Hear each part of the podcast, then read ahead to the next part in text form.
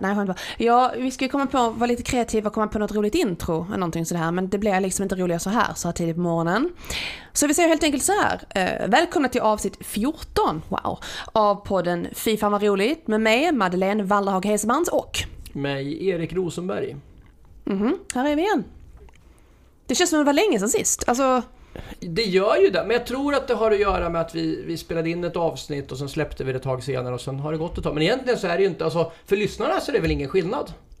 ingen aning. Det är det där med tidsuppfattningen. Det är min grej. Jag tror det är helt off egentligen. Men liksom, vad, vad har vi gjort sen sist? Vad har hänt sen sist egentligen i våra liv? Alltså, vad har vi gjort? Alltså vi har gjort massor tycker jag. Alltså det har ju varit sommar så att med, med sommaren så händer ju alltid en massa saker. Men en av de stora sakerna som jag tänkte adressera, det är att du giggade häromdagen. Och du har gjort det flera gånger i sommar. Ja men faktiskt, faktiskt. Så jag är helt förvånad över att jag själv har giggat. Jag bara, "Åh, fan, var jag med ens? Var jag där? Kanske inte mentalt, jag var där fysiskt ska jag säga. Ja men det är rätt, jag var i Lund och körde på Humorterrassen, Erik Börens klubb. Och sen var vi och jag körde på Big Ben. Klassisk ståuppmark. Ja men absolut, för de som inte eh, håller på med stand-up eller är så invana i det mönstret. Det är liksom Big Ben i Stockholm på, uh, vad fan är det adressen? Skit. Folkungagatan 97. Tack. Leds av Thomas Bunderud. eh, ehm, det är liksom sådär, plant, inte plantskola kan man inte säga, men det är liksom där man testar nytt, kör nytt. Det är liksom ett pärlband av komiker liksom som kör och kör och kör och kör och blir bättre och bättre och slipar och slipar. Det var någon, någon kollega till dig som sa att det är komikernas gym ungefär. jo, men absolut. Vi kan inte veta inte vem det är, men vi citerar alltså en av våra komikerkollegor helt Ja. enkelt. Nej, men det är faktiskt um, kul att vara tillbaka. Jag har inte varit där på typ sju år, något sånt där. Alltså, och eh, det var väl lite sådär spännande liksom att se folk igen och liksom energin och stället och liksom så. Och eh, har vi skvaller? All, vi har väl alltid skvaller, fast frågan är hur mycket vi kommer att släppa. Det är det. Nej men vad vågar vi säga, vad vågar ut och hänga ut och? Men sen så här att vi har ju ögonen på folk och liksom folk kanske inte tror att man ser saker och märker men mm, vi vet. Vi vet, vi ser och märker och hör. Absolut. Lagom vagt tycker jag. Utan hänga ut någon eller så här, Ja. vi vet liksom. Absolut. Men, ja, nej, men det var kul. Jag, du är alldeles för ödmjuk så jag säger så här, jag tycker det var jäkligt bra. Det var kul att se. Tack. Men man kan inte sitta och säga det i en podd i Sverige, att man att ha gjort någonting bra. Jag kan sitta och säga en podd i Sverige att du har gjort det bra. Ja men det har jag Men vänta tills jag kommer att säga en podd i Sverige att jag har gjort något bra. Då. Då åker vi ut för fan. Här får man, nej. Vi får Nej. inte vara bra, så utan det var så. Var lite ödmjuka. Ja. Men du, vi har ju annat skvaller också. Vi, det kommer ju hända en massa roliga saker på vår front också. Absolut. Till exempel, vi har väldigt roliga nyheter att berätta, så vi kommer...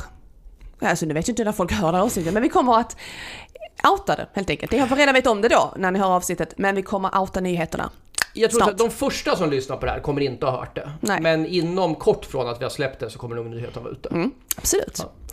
Och annars, vi ska ju gigga, du och jag. Absolut, på samma ställe tillsammans. Mhm. Och samma sak där tänker jag så här. Vi kommer inte att släppa exakt var nu, men eh, de första som har, som, som hör avsnittet, fan vad vagt det här blir igen.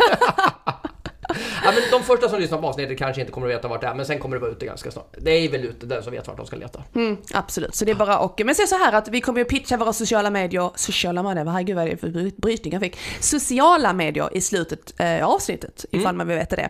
Och där kommer vi helt enkelt eh, säga, att, säga så här, följ oss på sociala medier och där får ni veta på var, när, hur och kanske annat också. När vi ska gigga och göra andra saker. Spännande, spännande. Da, da, da. Så är det. Absolut. Ja. Ja men då ska vi säga så här, vi, vi kör ju så här att efter 14, eh, förlåt 13 avsnitt nummer 14 så vet ju folk en del om podden. Men du kan väl ändå pitcha, vad är vi för några om någon hoppar in och de bara, de bara babblar, vad här? Kör. Eh, podden heter Fy fan vad roligt. Surprise. Det är, vi är inga humorexperter. Ish kan man säga. Jag tycker att efter 10 år på standup-scenen så är väl du något av en expert ändå skulle jag säga. Du har dessutom gjort, ja, men, gjo- gjort en del inhopp i olika komediserier och så på TV och, så vidare. Så jo, alltså du vill inte kalla expert. Jag, jag tycker det kan man diskutera. Vi är geeks, fans av, av comedy i alla dess former. På scen, på TV, radio, eh, film, serier. Eh, och, så att vi gör en, vi gör en nördpodd om humor inom allt det där. Eh, nedslag i humorhistorien och så analyserar vi de sakerna vi tycker är roliga. Bryter sönder saker och ting både, både här och där. Ja. det är väl det i stort va? Det var ju snyggt, ja. snyggt uppsvetsat. Och vilka, varför tycker vi att vi har kompetens att göra det här Madeleine? Vad, vad har du, vem är du? Ja, ärligt talat, det är väl den frågan, jag, aldrig, jag, jag har ingen aning. Så här kan man säga så här, varför jag sitter här och gör detta med dig. Um, nej men vad ska man säga så här, som du nämnde tidigare, jag har gjort stand-up, eller humor rättare sagt, i olika former i cirka tio år. Jag har gjort stand-up i tio år. Ja. Uh, humor i olika former, uh, även skådespel, uh, modellgrejer, musiker. Ja men typ i det kultur... Lite, lite scenframställning? Ja men lite så här frilansande kulturarbetare. Det vill säga I'm rich bitch, kan man säga. Pass, not, okej. Okay.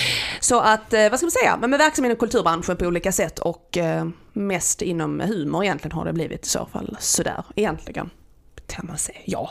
Ja, det är väl rimligt tycker jag. Ja, men bra, absolut. adekvat sammanfattning av, av, av dig. Ja, och du, vad fasen är vi här för? Varför är du här? Jag har gjort eh, poddar lika länge som du har gjort humor.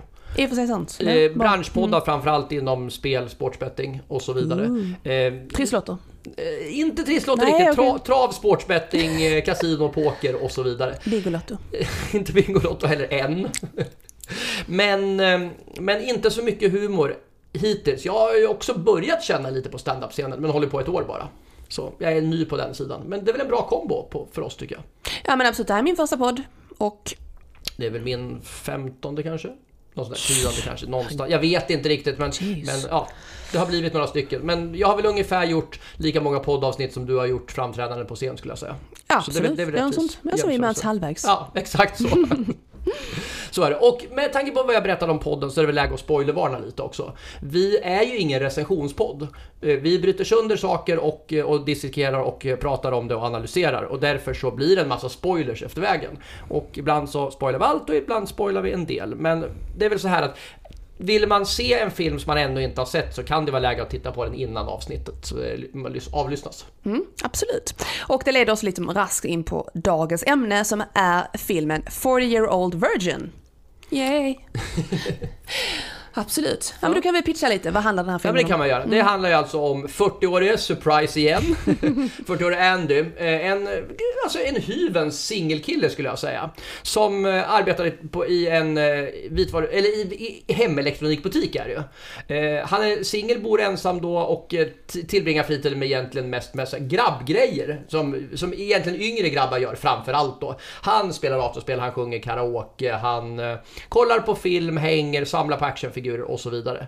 Och själva, alltså USPen i den här filmen är ju att, som namnet antyder då, han har inte haft sex. Det är det som allting bygger på. Och det blir liksom en större och större grej. Så hans jobbarkompisar har fått för sig då att de ska hjälpa honom att bli av med oskulden. Och det är väl egentligen hela premissen för filmen. Och det som Alltså en stor del av filmen bygger på att han träffar eh, en butiksägare, Trish, på samma gata som de har sin lageraffär. Och han blir kär i henne och det hela utvecklar sig till en, en ganska mysig romantisk komedi skulle jag säga. Mm. Okay. Det är väl det. Ja. ja. Absolut. Och eh, manus och regi, viktigt att säga, det är alltså Judd Apatow eh, och det, han är ju en av Hollywoods mest framgångsrikaste filmmakare. Han har gjort en hel del, eh, bland annat har han skrivit eh, Walk of Hard, Sohan, Don't Mess With Sohan, som är ett av våra tidiga avsnitt. Eh, han har inte regisserat sådär jättemånga filmer sådär, men han har gjort serier, till exempel eh, Freaks and Geeks, till exempel, har han gjort. Sen har vi då Steve Carell som står för manuset då och eh, det är hans första filmmanus. Han hade ju skrivit lite sådär, några episoder av eh, The Donna Carvey Show Donna Carvey Show, gud, bra uttal. eh, som kom ut 1900, 1996, nej som kom ut 1896. Eh, men han har inte skrivit något sådär speciellt efter det heller. Så man kan väl säga att det var väl det här filmmanuset och Donna Carvey Show helt enkelt. Mm. Och eh, båda två har också varit med och producerat filmen, eh, vilket leder oss tillbaka till då, eller till bakgrundshistorien av den här filmen som är intressant. Det här, det här var ju helt nytt för oss, eller hur? För det här var liksom någonting som vi fick sätta oss in i. Den här filmen är alltså baserad på en sketch som Steve Carell gjorde när han var med i improvisationsteaterskolan Second City. Och vad är då Second City? Visste du vad Second City var innan vi körde här? Ingen aning, vilket är pinsamt med tanke på att vi ja, nu har liksom outat oss som, som i alla fall, om inte experter så i alla fall geeks. Men jag tror helt ärligt att det inte är svinmånga svenskar som har koll på Second City. Ja, så det är alltså live and learn här nu. Och det är så här, det här började som en klassisk impro-teaterutbildning. Och eh, jag tror det var 1959 ifall någon vill nörda. Och har idag expanderat till ett mediaföretag som finns i Toronto, Chicago och i Hollywood. Och bland stjärnorna där som har börjat i Second City, det märks utöver då Carell, det är John Belushi, Dan Aykroyd, who, Amy Poehler, Stephen Colbert, eh, Mike Myers, Alltså hur många som helst. Alltså går man in på deras hemsida och man bara, ah, men det är han och det är hon och det är han och det är hund. Och i alla fall, den här sketchen som Steve Carell gjorde under Second City, det handlar om en man som försöker delta i en konversation om eh, sexuella upplevelser under ett parti poker. Men han har ingen aning om vad han pratar om och det blir liksom, liksom crazy helt enkelt. Är det något du har gjort under när du har spelat poker? Nej, men man känner, jag måste ju anknyta, man känner igen det från filmen, det är inlyft. Och där får vi, vi pratar om det här med kopplingar till andra avsnitt. Mm. Och det där att bygga en film på en sketch. Det har ju vi tagit upp flera gånger i den här, i ja, den här podden. Ja, absolut, till exempel Blues Brothers mm. till exempel då. Eh, och det handlar så här att, eh, det är så här, efter de hade jobbat tillsammans med Anchorman, Judd Apatow och Steve Carell, så frågade ju då Apatow om Carell hade någon så liksom, har du någon speciell filmidé till någonting sådär? Och det var då Carell eh, liksom pitchade hela konceptet för The 40 Year Old Virgin och sen skrev de filmen tillsammans helt enkelt. För så enkelt kan det vara. Det lilla leder till liksom det där. Absolut. Och vad kännetecknar då Fort Yellow? apropå uttal. Men jag har ju ändå börjat, det är liksom, stora delen av podden bygger på mitt uttal här. 40 year old virgin kännetecknas av feelgood humor, jättemycket. Det kännetecknas av att eh, Seth Rogen ska få en chans att säga könsskämt i en film. Eh, det är väldigt mycket grodspråk. Men det är ju också en väldigt fin romantisk komedi. Vi kommer att återkomma till den där kontrasten mellan de där två sakerna framöver. Mm. Och inslaget vi har alltid liksom, vad är det för typ av humor? Och ärligt talat, det, det är ju väldigt, det är väldigt bisarr humor och stundtals äcklig helt enkelt. Om man, det är bara att höra replikerna så förstår man. Ganska grova sexskämt, eh, vilket är ju en beståndsdel i hela filmen egentligen, eller eh, beståndsdel, liksom en re, rejäl pelare, rejäl pelare, det här blir väldigt metaforiskt, vad håller jag på med? I filmen, det kommer man märka också. Och väldigt, väldigt over the top humor som ligger i att kanske inte själva sakerna som händer i filmen utan själva replikerna. Det är de som är over the top. Det är liksom ingenting grafiskt over the top som i vissa filmer utan det här är liksom det språket som gör, avgör det hela. Det måste varit, alltså verkligen eh, riktigt otroligt cirkus, alltså det måste varit jävligt roligt att översätta den här filmen.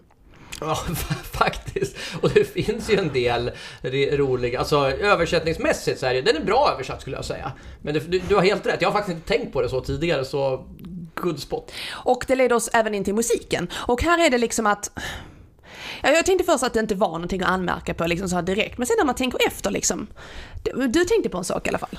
Ja, dels så är det ju alltså Mike McDonald som är en eh, inte speciellt känd countrymusiker. Du, både du och jag tänker så här, det där är Kenny Rogers. Det är inte Kenny Rogers för det är Mike McDonald. Men han har ju en jättestor roll utan att vara med i filmen, för de spelar en av hans musikvideos om och om och om igen i butiken. Så det blir väldigt roligt. Så han får ju som så en, in, alltså, en indirekt roll i filmen. Mm, och dessutom slutlåten, som vi kommer, vi kommer återkomma till den scenen. Men liksom Aquarius från uh, musikalen Hair. Det är ja. liksom, det är helt random, vi kommer återkomma till det, men det är, det är ju ganska uppenbart att vi måste ta med den. Så det är också det speciella. Annars är det vanligt, liksom klubbscenerna har klubbmusik. Det är inget sådär jättesådär speciellt, det är liksom, ja. Mm. Ja men helt, helt sant. Och sen är det väl musik också för att förhöja stämningen och såklart givetvis som det är i filmer. Varför skulle det annars vara musik? alltså liksom ja. dö. Men det är liksom för att förhöja det romantiska eller lite bisarra. Mm. Egentligen, mm. det är inget sådär speciellt egentligen. Eh, vi brukar också prata en del om kläderna. Samma sak här. Kläderna har ju ingen jättestor betydelse egentligen, men det finns ju en, en snygg linje i det hela i att, att kläderna kännetecknar lite karaktärernas personligheter. Eh, dels så då Steve Carell som är den här lite så här tillknäppta, lite nörden kan man säga, har ju en ganska stiff klädstil som, som liksom går hem hela tiden. Eh, Seth Rogen går ju ofta i ganska konstiga arbetskläder hela tiden. Eh, och sen har vi Elizabeth Banks eh, som spelar Beth i filmen. Hon har en outfit som ska symbolisera att hon är den mest frigjorda, slash lössläppta om man vill det, eh, kvinnan. Och hon är ju också den som är mest lättklädd i, i filmen av alla kvinnor. Det kan diskuteras vad man tycker om det, men det är faktum att det är så. Ja men absolut, det är ju bara symbolik. Alltså ja. det, det är bara för att spela liksom på fördomarna man har. Att liksom den rollen som är så kallat mest crazy, Seth Rogans citat, så är det ju egentligen, det är ju hon som har kortast kläder som, det är, det är enkelt bara så. Det är ju enkelt för anspelar på att det är liksom det folk är det är, så, det är så man ser tyvärr. Mm. Egentligen. Ja, absolut. Det liksom, hade hon gått klädd som en nunna och varit sådär promiskuös som hon är, det hade liksom inte, alltså, det är klart det hade varit roligt för kontrasten men det hade ju inte varit lika enkelt för må många att följa med så att säga. Nej. Så det är väl egentligen det. Så i den här filmen skulle jag väl säga att kläderna har en också faktiskt en väldigt avgörande roll. Mm. Och ändå snyggt, liksom lite alltså nedtonat i, alltså mm. i symboliken. Men den finns där väldigt, väldigt klart. Absolut. Eh, något annat då? Connection till våra tidigare avsnitt. Du pratade om Judd Apatow. Han var ju faktiskt med och skrev den första versionen av utkastet till eh, Gidra inte med son. Så, alltså väldigt tydligt där. Sen eh, både Steve Carell och eh, David Cockner har varit med i SNL. Seth Rogen var med i Step Brothers som vi har pratat om tidigare. Och sen finns det ju väldigt rolig, de, det finns ju en sekvens där de pratar om porrfilmer. Och gör alltså parodier, för porrfilmer har ju ofta så här att man, man twistar namnet på en vanlig film. Och så gör en porr av det. Hur vet du det? Ja, har jag hört. Aha, aha, aha. Och eh, där så tar de då upp eh, porrfilmen School of Cock. Ja men den är faktiskt rätt bra, har du sett den? Nej, jag har inte sett den. Så, det nu, nu ska jag säga, har jag hört. Men just där, vi har ju, pratat, vi har ju faktiskt eh, pratat om School of Rock i den här. Och till sist så nämnde du då Second City, alltså improv-teaterutbildningen. Och det är ju väldigt många av SNLs eh, skådisar som har börjat i Second City. Och SNL är ju någonting som vi har haft utgångspunkt i väldigt många avsnitt. Och vi ska också nämna till David Cockner, vem är det? Han är, David Cockner är den där mannen man ser i alla filmer man aldrig vet vad han heter. Och jag hade ingen aning vad han hette förrän vi fick IMDB det här liksom. Han är med i en scen eh, där de sitter tillsammans på sexualråds givning. Jag kommer inte på något bättre ord för det. Och han spelar en av papporna eh, som är med i den gruppen ifall ni ska spana in filmen igen eller har sett den. Han har liksom en lite sådär, jag kallar det cirkusfrisyr. Han är helt kal upp till så har han lite så sparsamt hår på sidorna. Eh, Lasse Kronér. Ja, absolut, det kan man säga också. Ja. Han ser ut, det är han som spelar mellanchef i alla amerikanska filmer. Ja men lite sådär. Där är, han har varit med Anchorman vet jag också, att Okej, han har ja. ganska sådär. Eh, och det leder oss till helt enkelt för att gå igenom lite av skådespelarna och några av de liksom mest bärande rollerna. Även om alla insatser räknas, måste säga. Så här. Men kör du. Ja men du måste ju börja med Steve Carell. För det är, han, det är han som är titelrollen. Han är ju the 40 year old virgin. Och eh, ja, men det, alltså det största som man måste nämna det är ju att han är ju huvudrollen i The Office U- Mhm. Men han har också gjort Bruce Al- Almighty, eh, Anchorman, Get Smart bland annat och, och SNL också. Men han har ju även fått en, alltså han var ju väldigt aktuell nyligen i MeToo eh, dramat The Morning Show på Apple TV Plus. Som var väldigt, och det tycker jag är intressant här. Här gör han då, han breakar i en film som handlar om att han ska bli av med oskulden. Och eh, nu så gör han en film som handlar om sexuella trakasserier i arbetsmiljöer. Så jag vet inte om det finns något, någon, någon linje där, men en spaning bara. Men han har ju gjort väldigt många filmer. Han, han var även också nominerad för en Oscar för filmen Foxcatcher. Ah, Ja, snyggt. ja. Så han gör ju också väldigt seriösa roller till att börja. Så ja, Yes. han kan. Sen har vi då den eh, kvinnliga motspelerskan nu, det är Catherine Keener. Eh, och hon började först som en casting director. Hon har eh, bland annat gjort I huvudet på John Malkovich och eh, filmen Get Out. Bland annat. Yes. Sen har vi Paul Rudd. Idag för många mest kanske känns som Ank, eh, Ankman, Ant-Man i Marvel. Men har också gjort massor med Park, Parks and Recreation. Han har gjort Vänner. Han har gjort också SNL. Ehm, eh, Anchorman också, även där. Och han har gästspelat i Simpsons. Sen har vi Roman Malco som jag faktiskt inte hade någon koll på innan den här filmen. Eh, han spelar Jay och Roman Malco är musikproducent och rappare. Han har spelat i Weeds, MC Hammer Story, Blades of Glory och eh, eh den tecknade serien American Dad. Det är också väldigt bra film, Blades of Glory. Jag tror jag sålt in den innan men det är... Han är sån person man ser honom och så bara, ja men det är han, det är han.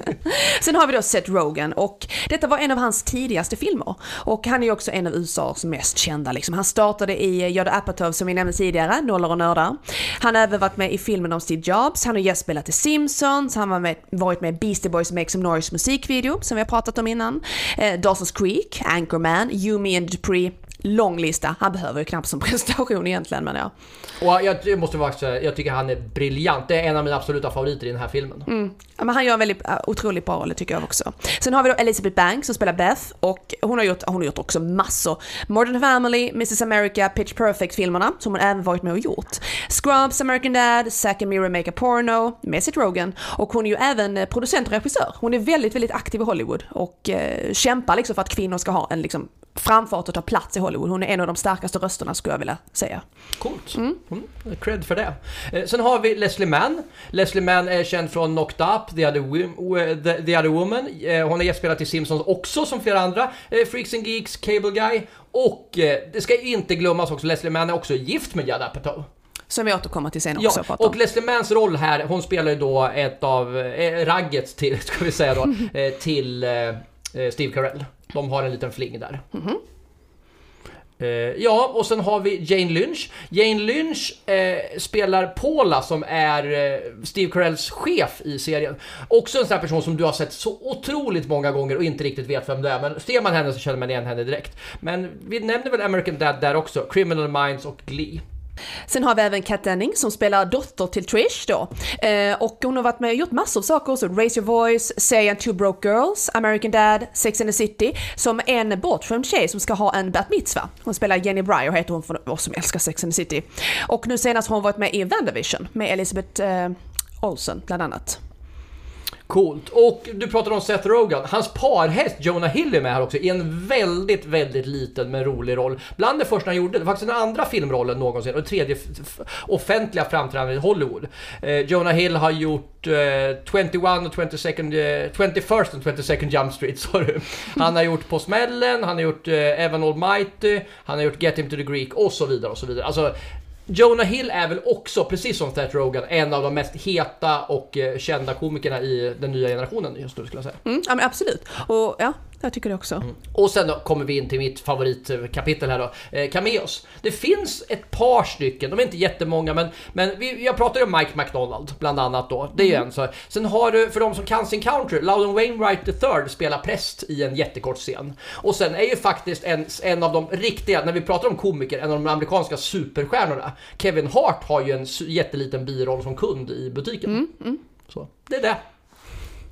Eh, sen har vi lite roliga inhopp, sådär som man kanske inte, alltså, som jag tänker när man ser filmen så tänker man att ah, det är han och hund. Det är så att Steve Carells fru Nancy spelar eh, sexualupplysare den här gruppen jag nämnde som David Cockner, höll att säga David Cockner, heter han så? Ja, ja precis, bra minne. som, eh, som David Cockner också var med Och det är intressant att här se Steve Carell spela mot sin fru och prata just om sådana här saker. Jag vet inte varför det är så roligt, men fan, det är, det är, det är hans fru som är, spelar den sexualupplysaren i alla fall. Och sen har vi Jenna Fisher från The Office som gör en okrediterad citera statistroll. Faktiskt. Ja. Har inte tänkt på. Eh, sen har vi då Mindy Carling som spelar David Rudds ex Amy. Och det här är hennes första filmroll. Och hon har synts på massor av saker efter det då. Men hon syns även igen med Carell i The Morning Show som du pratade om tidigare. Ja. Mm. Ja.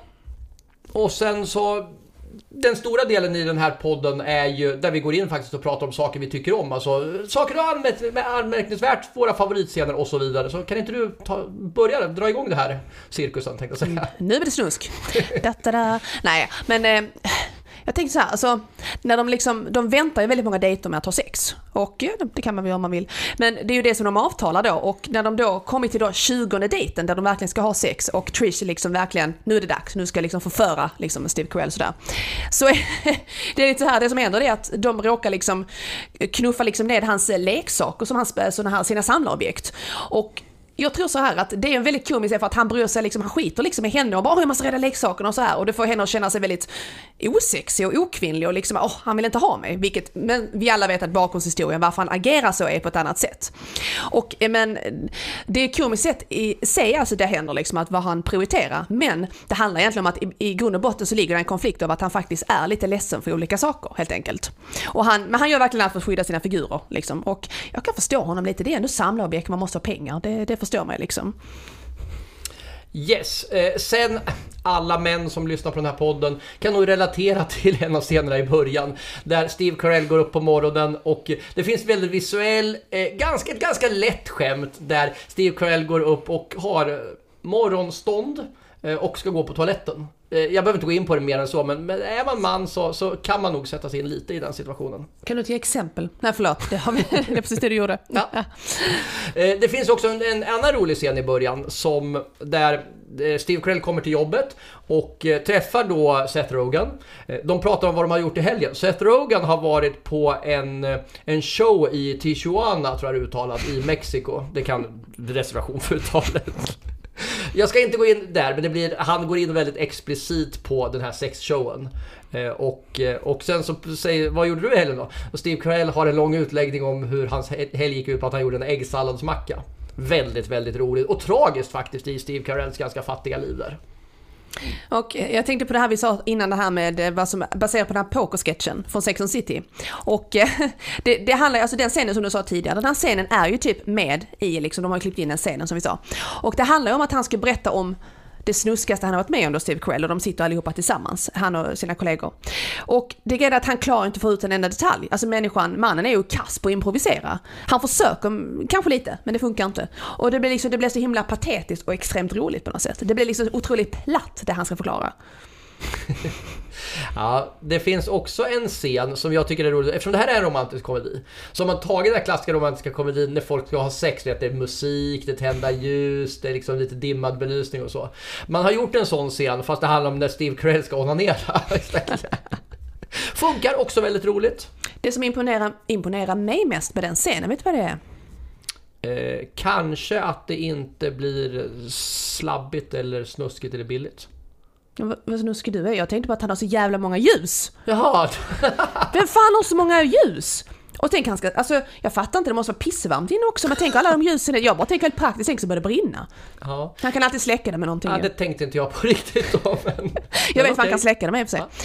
Så det, men det lämnar vi osagt. Ehm, och så tänker man så här att när han väl, under den här pokerscenen som jag nämnde tidigare, så pratar han om att det är då han kommer ut som oskuld till de här killarna då, sina kollegor, så då, som liksom drar det ur honom. Han vill ju inte berätta det, så det var lite taskigt faktiskt. Men, och då tänker han så här när han går hem, vad fan varför sa jag det här liksom? Och tänker att Nej, det är ingen som kommer komma ihåg det här imorgon. Ingen minns det. Ingen kommer komma ihåg det. Kommer till affären dagen efter. Alla minns det och även kunderna. Även kunderna. Jag tycker det är så kul att till och med kunderna liksom informerar honom att han är oskuld. Sorgligt, tragiskt, men lite roligt. Och sen har vi, där är alltså, där är alltså karaktärer. Där är en karaktär, och så tror han ska ha ursprung som pakistansk man helt enkelt. Och han heter Mush, uttal, tror jag det uttalas. Eh, och han är lite äldre än de andra, jag tror han är kanske i 60-70-årsåldern. Nej det kanske inte jag var 60-årsåldern. Och han ska liksom förklara liksom vad kärlek och sex är för Steve Carell. Och det börjar ju lite så här att, eh, lite som en, eh, lite så crescendoaktigt för man liksom börjar lugnt och så blir det snuskigare och snuskigare och det är helt sjuka saker. Alltså både översatt till svenska och på engelska, det är helt sjuka saker. Och det var det lite vi menade innan med over the top, att det ligger i replikerna och den här scenen är ett praktexempel på att det verkligen är over the top. Det är så äckligt att man tänker så, ska jag skratta eller inte? Men man skrattar, jag tycker det var jätteroligt. Det är skratt, för de, de måste ju ha haft en orgie när de tittar på formuleringarna på det här är ju väldigt kul. Hur grovt kan vi dra hans Mhm, språk egentligen? Och på tal om over the top så finns det också där när, när de går igenom, det finns ju liksom en liten så flashback när, när Michael tänker på sina sexuella upplevelser, eller icke-sexuella upplevelser som hade could have been så att säga. Så först så träffar jag en tjej som har tandställning och det visar sig att alltså, det bara antyds att det blir väldigt smärtsamt där. Eh, min gissning är väl att hon går ner på honom. Eh, I nästa scen så ska han ha sex och en tjej ska suga av hans tå och han råkar sparka henne över näsan. Och det blir också väldigt, alltså väldigt grafiskt där. Men det är också, jag tycker också det är väl over the top där med.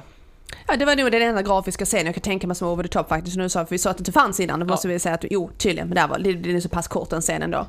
Och eh, Paul Rudd har ju en ganska snäll roll där han är liksom den här väldigt romantisk eftersom han saknar sitt ex Amy sådär. Och eh, han, det är något parti där han verkligen flippar ut, där Amy verkligen inte vill ha honom tillbaka. Och han har en, eftersom de är ju i en elektronikaffär, tar han en, hands, en handsfree, handsfree kamera, vad fan heter det? En handkamera? Vad heter det? En vanlig liten, en vanlig Alltså en kamera. kamera. En filmkamera helt enkelt. Han tar alltså filmkamera då, som förr i tiden, och filmar sin röv. Och det kommer ut på alla tv-apparater och hela butiken. Så ni vet om ni varit på typ Elgiganten och så, att de liksom visar upp fiskar och sånt. Här får man se en hårig röv istället. och det hade varit roligare faktiskt när man kommer till Elgiganten. Du kan tänka dig det. Jag hade blivit jätteglad om jag kom dit. Och någon hade haft en hårig röv så gående på liksom hela den här TV-väggen. Ja men istället för fiskar, för fiskar kan man ändå se någon annanstans. Absolut. Får jag välja så kanske jag hade hellre sett en ohårig röv då, men det är en annan sak. Ja men det kan ju vara olika på rövar på olika skärmar. Vad what the fuck, vad fan. men det är bra, Elgiganten hör ni detta så vet ni. Precis, så det är gratis, vi bjuder på det här gratis då. Ja. Det finns ju, alltså den här filmen, det är mängder av roliga citat. Vi kan väl bara plocka ut ett par stycken i alla fall. En av dem är ju, alltså ett klassiskt citat, det är ju det här “You're putting the pussy on a pedestal”. Som egentligen handlar om, så, vad är det ens? Men det är liksom hela, hela frasen av att så här, du, du gör det här för svårt för dig, du gör det för avancerat. Och då har de liksom kokat ner det till “You're putting the pussy on a pedestal”. Och så har de fått det till att att det där har blivit något allmänt känt begrepp. Och Steve själv bara, men vad är det egentligen? Han förstår inte varför folk oberoende av varandra går runt och säger det.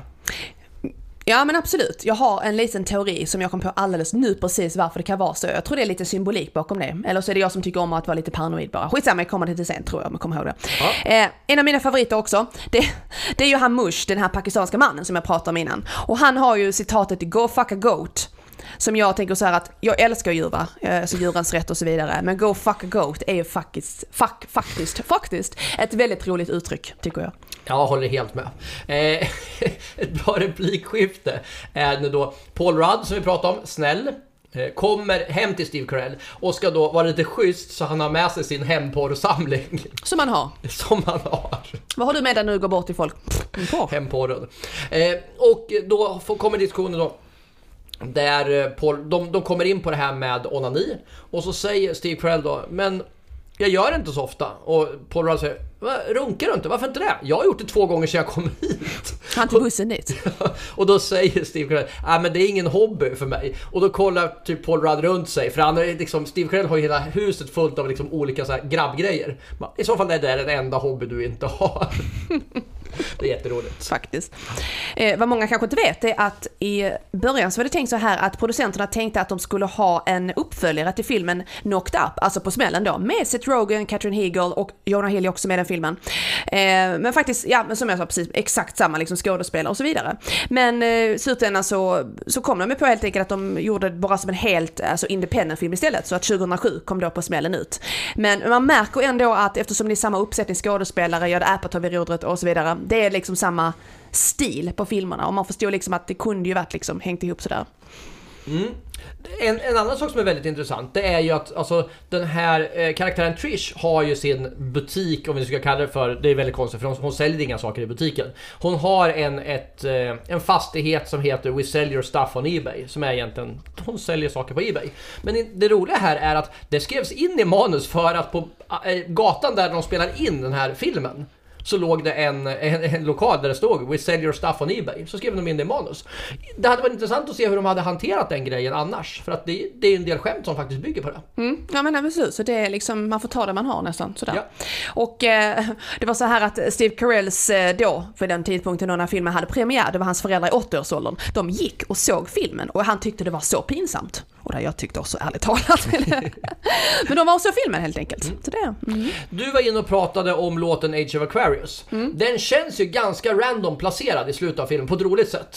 Och det finns ju också en backstory till varför den kom in där. Och det var så här, Apatow och Carell, de hade ju problem med hur ska vi avsluta det här, runda av då? Och då var det faktiskt komikern Gary Shandling som sa det ni måste, alltså han sa till Apatow, du måste visa hur, alltså hur bra Andys sex är för att han är kär. Att det är så fint när han verkligen blir av med oskulden, att det är någonting speciellt. Och då planterar han den här idén att eh, Eh, alltså i huvudet, det var inte hans idé utan det var faktiskt eh, Carell som kom på så här, men vi sätter in en låt där som får symbolisera kärleken. Och då tänker Apatow direkt bara Let the sunshine in. Och den är ju då, då blir ju Let the sunshine in som är en övergång från, från Age of Aquarius. Så det kommer Age of Aquarius, Let the sunshine in. Så där bygger det. Så liksom egentligen så var det så här, Chandling, Carell, Apatow som skapade det. Mm, ja absolut, jag tänker på det att, jag tänkte på en för jag sa att låten heter Aquarius innan, den heter ju liksom Age of Aquarius eller Aquarius, så jag heter det inom parentes Let the sunshine in för jag kommer få noterna till den, kommer på när du sa det, kommer jag på det just det. Så vi för att reservera, alltså reservera för det är fel, vi säger Age of Aquarius Let the sunshine in, okej. så- Toppen. Nu är vi, nu är vi Nu är vi safe. på det. Så, ja. Och som en liten passus också, så kan det också sägas att eh, de är ute och dansar, eh, väldigt roliga, roliga scener. Men Jonah Hill fick faktiskt eh, föras till sjukhus för att det var så varmt när de spelade in scenen. Han blev helt enkelt, vad heter det, dehydrerad, överhettad helt enkelt. Ja men han har ju en vär- världens poncho på sig ju. ja, Eller så är det, man förstår ju lite, men alla andra var ju typ halvnakna så är det okej. På tal om halvnaken. Eh, en av de mest kända scenerna, vad jag tror, för den här filmen, det är alltså hårborttagningsscenen. Och eh, vi behöver inte gå in på grafiska detaljer där, men det tog alltså sju veckor för Steve Carells brösthår att växa tillbaka till liksom normal helhetsruggmatta då. Och låt oss säga så här att fru Nancy då, hon var ju inte alls glad över hans nya look. Det var inte sådär jättesexigt tyckte hon. Och eh, det är faktiskt så här att den här scenen är alltså äkta. Det som händer är att det här är alltså på riktigt, det händer på riktigt och reaktionerna från liksom eh, skådespelarna som är med i scenerna är också väldigt äkta och på, alltså i platsen, det är liksom inte sådär jätteinövat utan de tog, man kan liksom inte göra om det här hur många gånger som helst. Men det liksom, de gjorde alltså ett shoot med fem kameror, är det gjort. Sådär, pang bom, hår borta. Och fan, vad, lida för konsten. ja, det får man verkligen säga. Man Alltså- ser ju, nu har inte jag svin mycket brösthår, men man, jag kan tänka mig in hur ont det måste ha gjort. Nej, det är ehm, synd om någon som verkligen har den här ruggmattan liksom. Vi pratade lite innan om Leslie Mann när vi pratade om skådespelerskorna.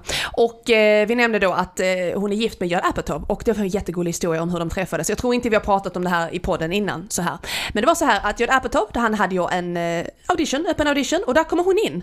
Och det första han säger till sina kollegor som är med och eh, rollsätter, det var att säga så här där är hon. Där är There goes the future Mrs Apatow. Och så blev det. Jag tycker det är jättegulligt. Ja, det är otroligt fint. Är. En rolig detalj i filmen är att alla, sak, alltså alla filmsekvenser som visas på SmartText TV-apparater i den här filmen är producerade av Universal Pictures som också producerade just filmen 40 Year Old Virgin. Ja, och då gäller ju även filmandet av Paul Rudds röv. så det är också viktigt. De Universal Pictures står för den också. Det är viktigt att lägga till tycker jag. Snyggt, bra. ja. Jag pratade om lite i början, början, eh, det här med kontrasten mellan det pubertala grova språket och den, den här fina romantiska känslan mellan Trish och Andy. Jag tycker att en stor del av filmens alltså, kvalitet bygger på att man verkligen lyckas hålla den balansgången mellan den här pubertala och det här verkligt, alltså verkligt snygga. Att det liksom inte som faller över åt något håll. Det är en bra balansgång som jag tycker verkligen gör filmens framgång. Mm, jag är helt enig. Jag tycker också det att det, det, är lite det som är behållningen för att filmen inte ska bli för plump på något sätt. Det känns som en, en, en bra, som du sa, en bra balans, mm. tycker jag. Jag håller med. Och jag tror liksom det är meningen också att de ska ha eh, det. Och jag, jag tror att det har lite att göra med, eh, men vi kan komma till den punkten senare egentligen, vi har en, en teori om det också. Eh, men en annan intressant sak som jag har tänkt på en hel del alltså om filmen igen, för jag såg ju den, man har ju sett liksom när den producerades första gången och kom ut. Det är så här att det är ju ehm, Alltså det, det, det ligger någon besatthet i, i samhället att bli av med oskulden. Det är så himla, himla viktigt att bli av med den och få det gjort och överstökat för det är liksom då eh, livet börjar. Det var ju liksom gravt eh, överdrivet sagt ändå men, men det är liksom det som är liksom samhällsnormen. Och en intressant sak med detta, och det, det gäller andra saker i livet också, är man för tidig, man förlorar oskulden, då är man ju lösaktig, lite för på, lite så kallat, eh, horig, eh, tyvärr eh, sägs det. Eh, då, är, då är det fel helt enkelt. Är man för sen på det, som i den här filmen, då är man konstig. Så det verkar finnas ett litet fönster så att säga eh, i ett åldersspann där det är okej okay att göra vissa saker och det, och det ska göras, det ska vara på det sättet. Ungefär som en ålderskategori att det här ska hända mellan, i den här åldersklassen. Och det gäller inte bara förlora oskulden, det gäller till exempel att man med utbildning, skaffa familj, gifta sig, skaffa barn och allt annat. Och jag tycker att liksom det ligger någon sorts osynlig eller krav på alla, både män och kvinnor och hen och allt emellan, vad man nu vill vara, att det ska hända då. Och liksom, är man för sen med utbildningen, då är man bara konstig och kan liksom, då är man ju bara dum och har inte eh, liksom, så utbildat sig tidigare. Är man för tidig med utbildningen, då är man lillgammal. Och är man för tidig med det, men du är inte mogen för det. Familj, du kan gifta dig för tidigt. Då är det konstigt, du är inte redo skaffa barn för tidigt. Ja, du är inte redo, du är inte mogen. Är man för sen, barn för sent, du är jättekonstig, dina barn kommer bli missfoster, det är fel på det. Sen med familj, åh vad tråkigt. Har du inte träffat den rätta, vad har du gjort? Är du konstig? Och allt annat. Och det ligger likadant med jobb, men när man söker jobb. Antingen är man för ung, har ingen erfarenhet, då sitter man där, nej tyvärr det går inte, då för lite erfarenhet. Sen kommer man till då tyvärr, när man är för gammal. För då ska ju plötsligt den här rätta åldersgruppen i det här fönstret ta alla jobben så att säga. Då är man för gammal för vissa jobb. Ja det går inte, du ska nog gå i pension snart. Äh, du är för gammal, du hänger inte med, du är för gammal i hjärnan. Så att ärligt talat, det finns ett visst fönster. Har du någon idé vilken ålder det kan vara som gäller? Nej, det har jag inte egentligen. Alltså, det är ju väldigt olika. Jag, jag köper argumentet helt och hållet. Jag tror ju liksom att, att teorin stämmer helt. Alltså när det gäller os, o, alltså dels tror jag det är en kulturell fråga med oskulden. Mm. Men jag tänker direkt också att det där har väl alltså flytta hemifrån. Jättetydligt exempel på fönster. Mm. När det är för tidigt och när det blir konstigt. Skaffa körkort till exempel. Så det är ju väldigt mycket liksom allting som handlar egentligen om saker i liksom som man går igenom i ett stadium. Är det verkligen så här, det här är ett samhälles norm för när det ska göras. Mm. Absolut, och så fort man är liksom lite för tidigt eller för sent på den skalan då är man lite konstig. Men låt oss säga så här att det verkar gå som att man är någon form av bäst före-datum när det gäller jobb till exempel vad jag förstått att redan vid, tyvärr, vissa yrkesgrupper, 45. Många grejer. Mm. IT-branschen och liknande. Redan där kan det gå en gräns. Och likadant att man kan vara för ung givetvis, man måste ha utbildning för det och bla, bla, erfarenhet och så. Men man kan ju säga liksom att, och det är likadant när det gäller familj, utbildning och så vidare, så fort man tyvärr är mot 40-hållet, det här är inte vad jag, det här är inte mina regler, det här är inte vad jag, liksom, det är vad jag samhället återspeglar. Um, och, men det finns ju förstås de som Ja men alltså så att såklart, men klart man kan lyckas. Det är liksom bara någon osynlig regel som alla efterlever. Och så länge alla efterlever den så kommer den leva vidare. Men så fort man bryter mot den, då är man ju plötsligt konstig eller wow, ett liksom wow vilken, vilken movement, vad häftig du är som bryter det här. Och jag tror att många, alltså jag tror väldigt många kan inte hantera det här. Och jag tror att filmen, det här är poängen skulle komma till äntligen, äntligen Madeleine, tio år senare. Eh, på tal om öppet fönster. Det handlar liksom om att, det här handlar om besattheten av att bli av med oskulden, att det ska göras och att han är så kallat konstig i sociala termer för att eh, han är för sen på det. Mm. Och i övrigt, det är det som är så bra med filmen. För i övrigt så är han ju någorlunda normal. Det är det som är grejen, att den ska liksom inte framstå som att han är liksom ett weirdo. Nej men han är inte någon weirdo i en källare som bara sitter och uh, onanerar loss till saker. Det är inte det, för det är kanske den nidbild folk har. Alltså nu har jag avslöjat min egen nidbild och så här. Nej men det är lite, och jag tror att, som jag skulle komma till innan, två saker här. Den här kontrasten som du nämnde precis Erik, det här att med det romantiska och uh, det här pubertala. Det är liksom, det, det är liksom balansera ut det här att det ska, det kan ju även vara någonting vackert på något sätt. Va, det här blev väldigt moraliskt så att säga. Men jag, jag, tror att det, jag tror att det hänger ihop att de vill visa att det finns en, alltså den positiva sidan i det hela, liksom att det inte måste vara pang pom gjort klart, utan det kan göras på ett fint och bra sätt också. Alltså det, bör, det kan liksom var en vacker övergång i Age of Aquarius, så att säga. Ja men jag håller helt med. Och det är det som är själva, själva poängen med filmen. Man skrattar ju inte åt Steve Carell utan man skrattar ju med Steve Carell. Mm. Och det är det som, alltså det hade ju varit mycket osnyggare om man hade gjort en, liksom, ett skämt om honom. Så.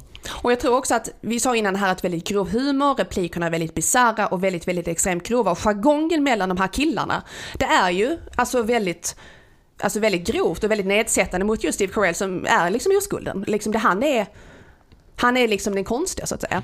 Och jag tror att, jag tror inte Judd Apatow och Steve Carell har gjort det för att de, det är deras åsikter. Det är för att belysa att den här diskussionen, och det här är ett vanligt fenomen i kompisgrupper, att man, man kan, nu vet inte jag, men folk kan bli hånade för att man är avvikande. Och den här pressen man har, det är väl det de vill belysa, att den här grovheten, de måste leva upp till någonting. Att det finns, och även där, någon sorts osynlig liksom, press, att man måste prestera. Helt enig. Alltså, mm. Precis. Det är, och det är egentligen det, jag tror att folk inte ser kanske det djupet i filmen. Och, alltså, det kan låta som att vi överanalyserar, men jag tycker verkligen att det finns en kärna där. Om mm. ett problem som faktiskt är reellt och som jag tror är mycket vanligare än man tror. Mm, absolut, och jag tycker det är jättebra att de tog upp det på det sättet. Och, äh, alltså i, i det här formatet, mm. absolut.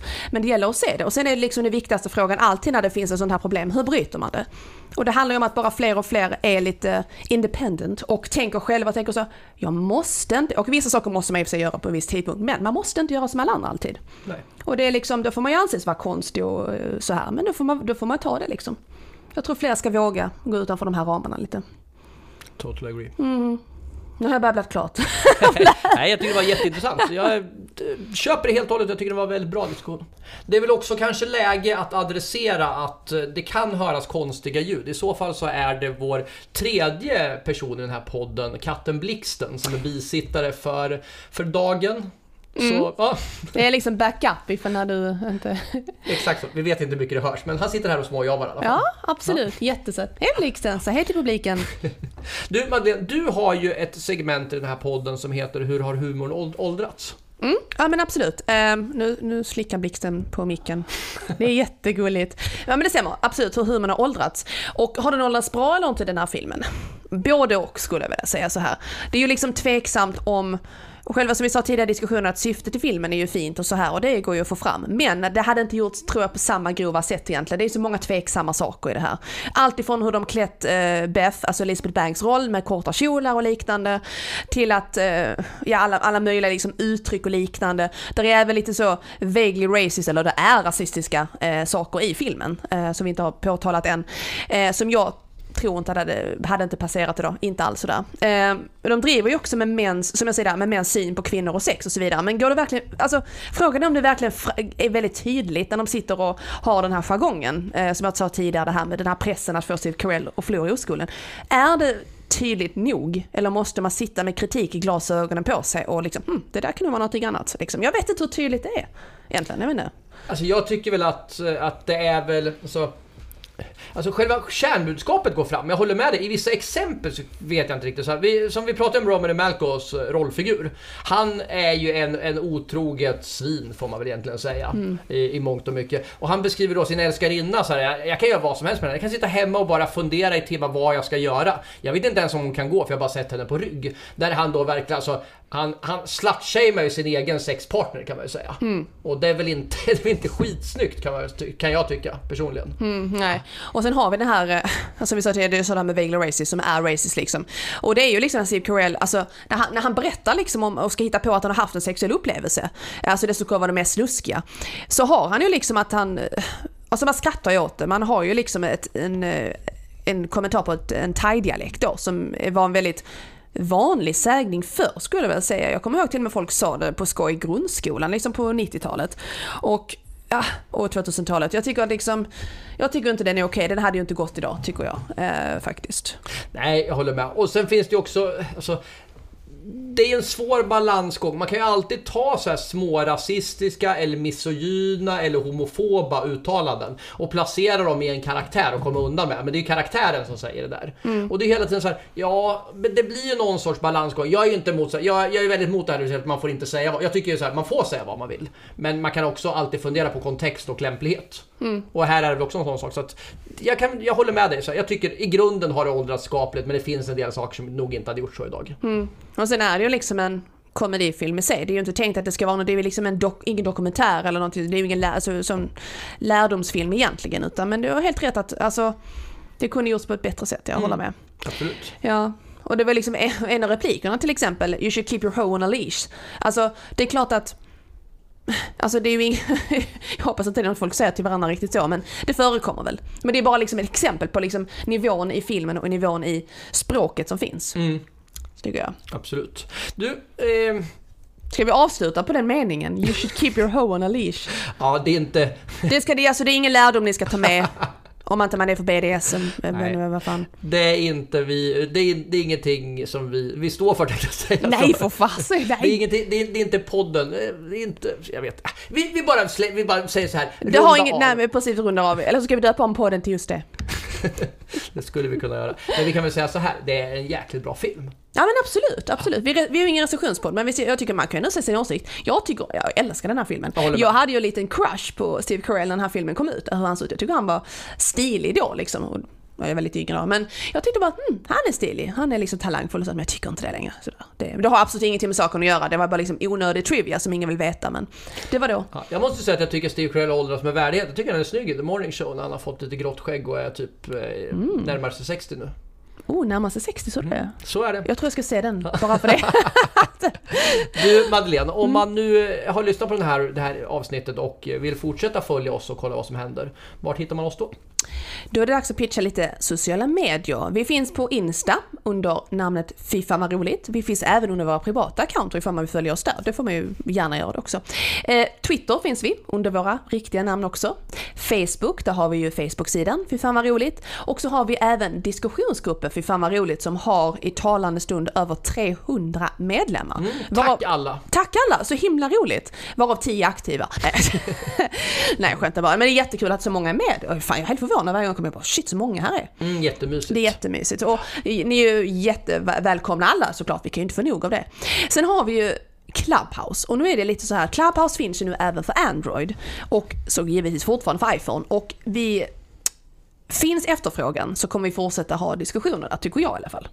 Det är väl det vi har sagt. Nej, men jag håller helt med. Det ligger helt enkelt helt frankt hos er som lyssnar. Mm. Säg till oss om ni vill. Och eh, liksom, skulle det vara så att vi kommer ha en diskussion så testa liksom, hur intresset ligger så får ni följa oss i sociala medier just för att veta det. Liksom. Men vill man ha då eh, inbjudningar till att få den här appen och kunna använda den så är det bara att DMa oss helt enkelt så fixar vi det. Och sen har vi även Patreon, eller Patte. Absolut, som egentligen är gräsrotsfinansiering som det så fint heter på branschspråk. Det vill säga, vill man supporta den här podden som vi gör helt ideellt så kan man donera ett, ett bidrag till podden i, på patreon.com slash fy fan vad roligt. Då går man in och skänker en valfri summa pengar. Men om du skänker minst 3 dollar i månaden så får du också tillgång till lite bonusmaterial. Det kan vara filmklipp, det kan vara eh, kort, eh, olika foton från inspelningar och framförallt så är det med hygglig regelbundenhet också bonuspoddar där vi faktiskt inte, inte pratar om såna här saker utan det kan vara mer personliga saker eller någon, någon tanke som vi har gjort eller någon resa eller något sånt där. Mm. Så. Ja men det är roligt. Och eh, det har ju tillkommit nu många nya Patreons och eh, vi tackar för det. Och välkomna. Ja, det är jätte, jätteschysst av er. Vi uppskattar allt verkligen. Och, och eh, donerar ni pengar då så går det till, det kan gå till ny mick, det kan gå till någon liten, liten resa eller det kan gå till våran rekvisita när vi eh, livestreamar som vi gör ibland också. Absolut, absolut. Ja. Mm. Så, så är det. Ja. Ja, vad säger vi med det då? Det är dags att avrunda nu helt enkelt. Och har man lyssnat så här länge så fasiken alltså, då är man grymt jobbat. Verkligen. Vi hörs om två veckor igen, då är vi tillbaka. Det gör vi. Ta hand om er. Puss puss! Hej. Hej!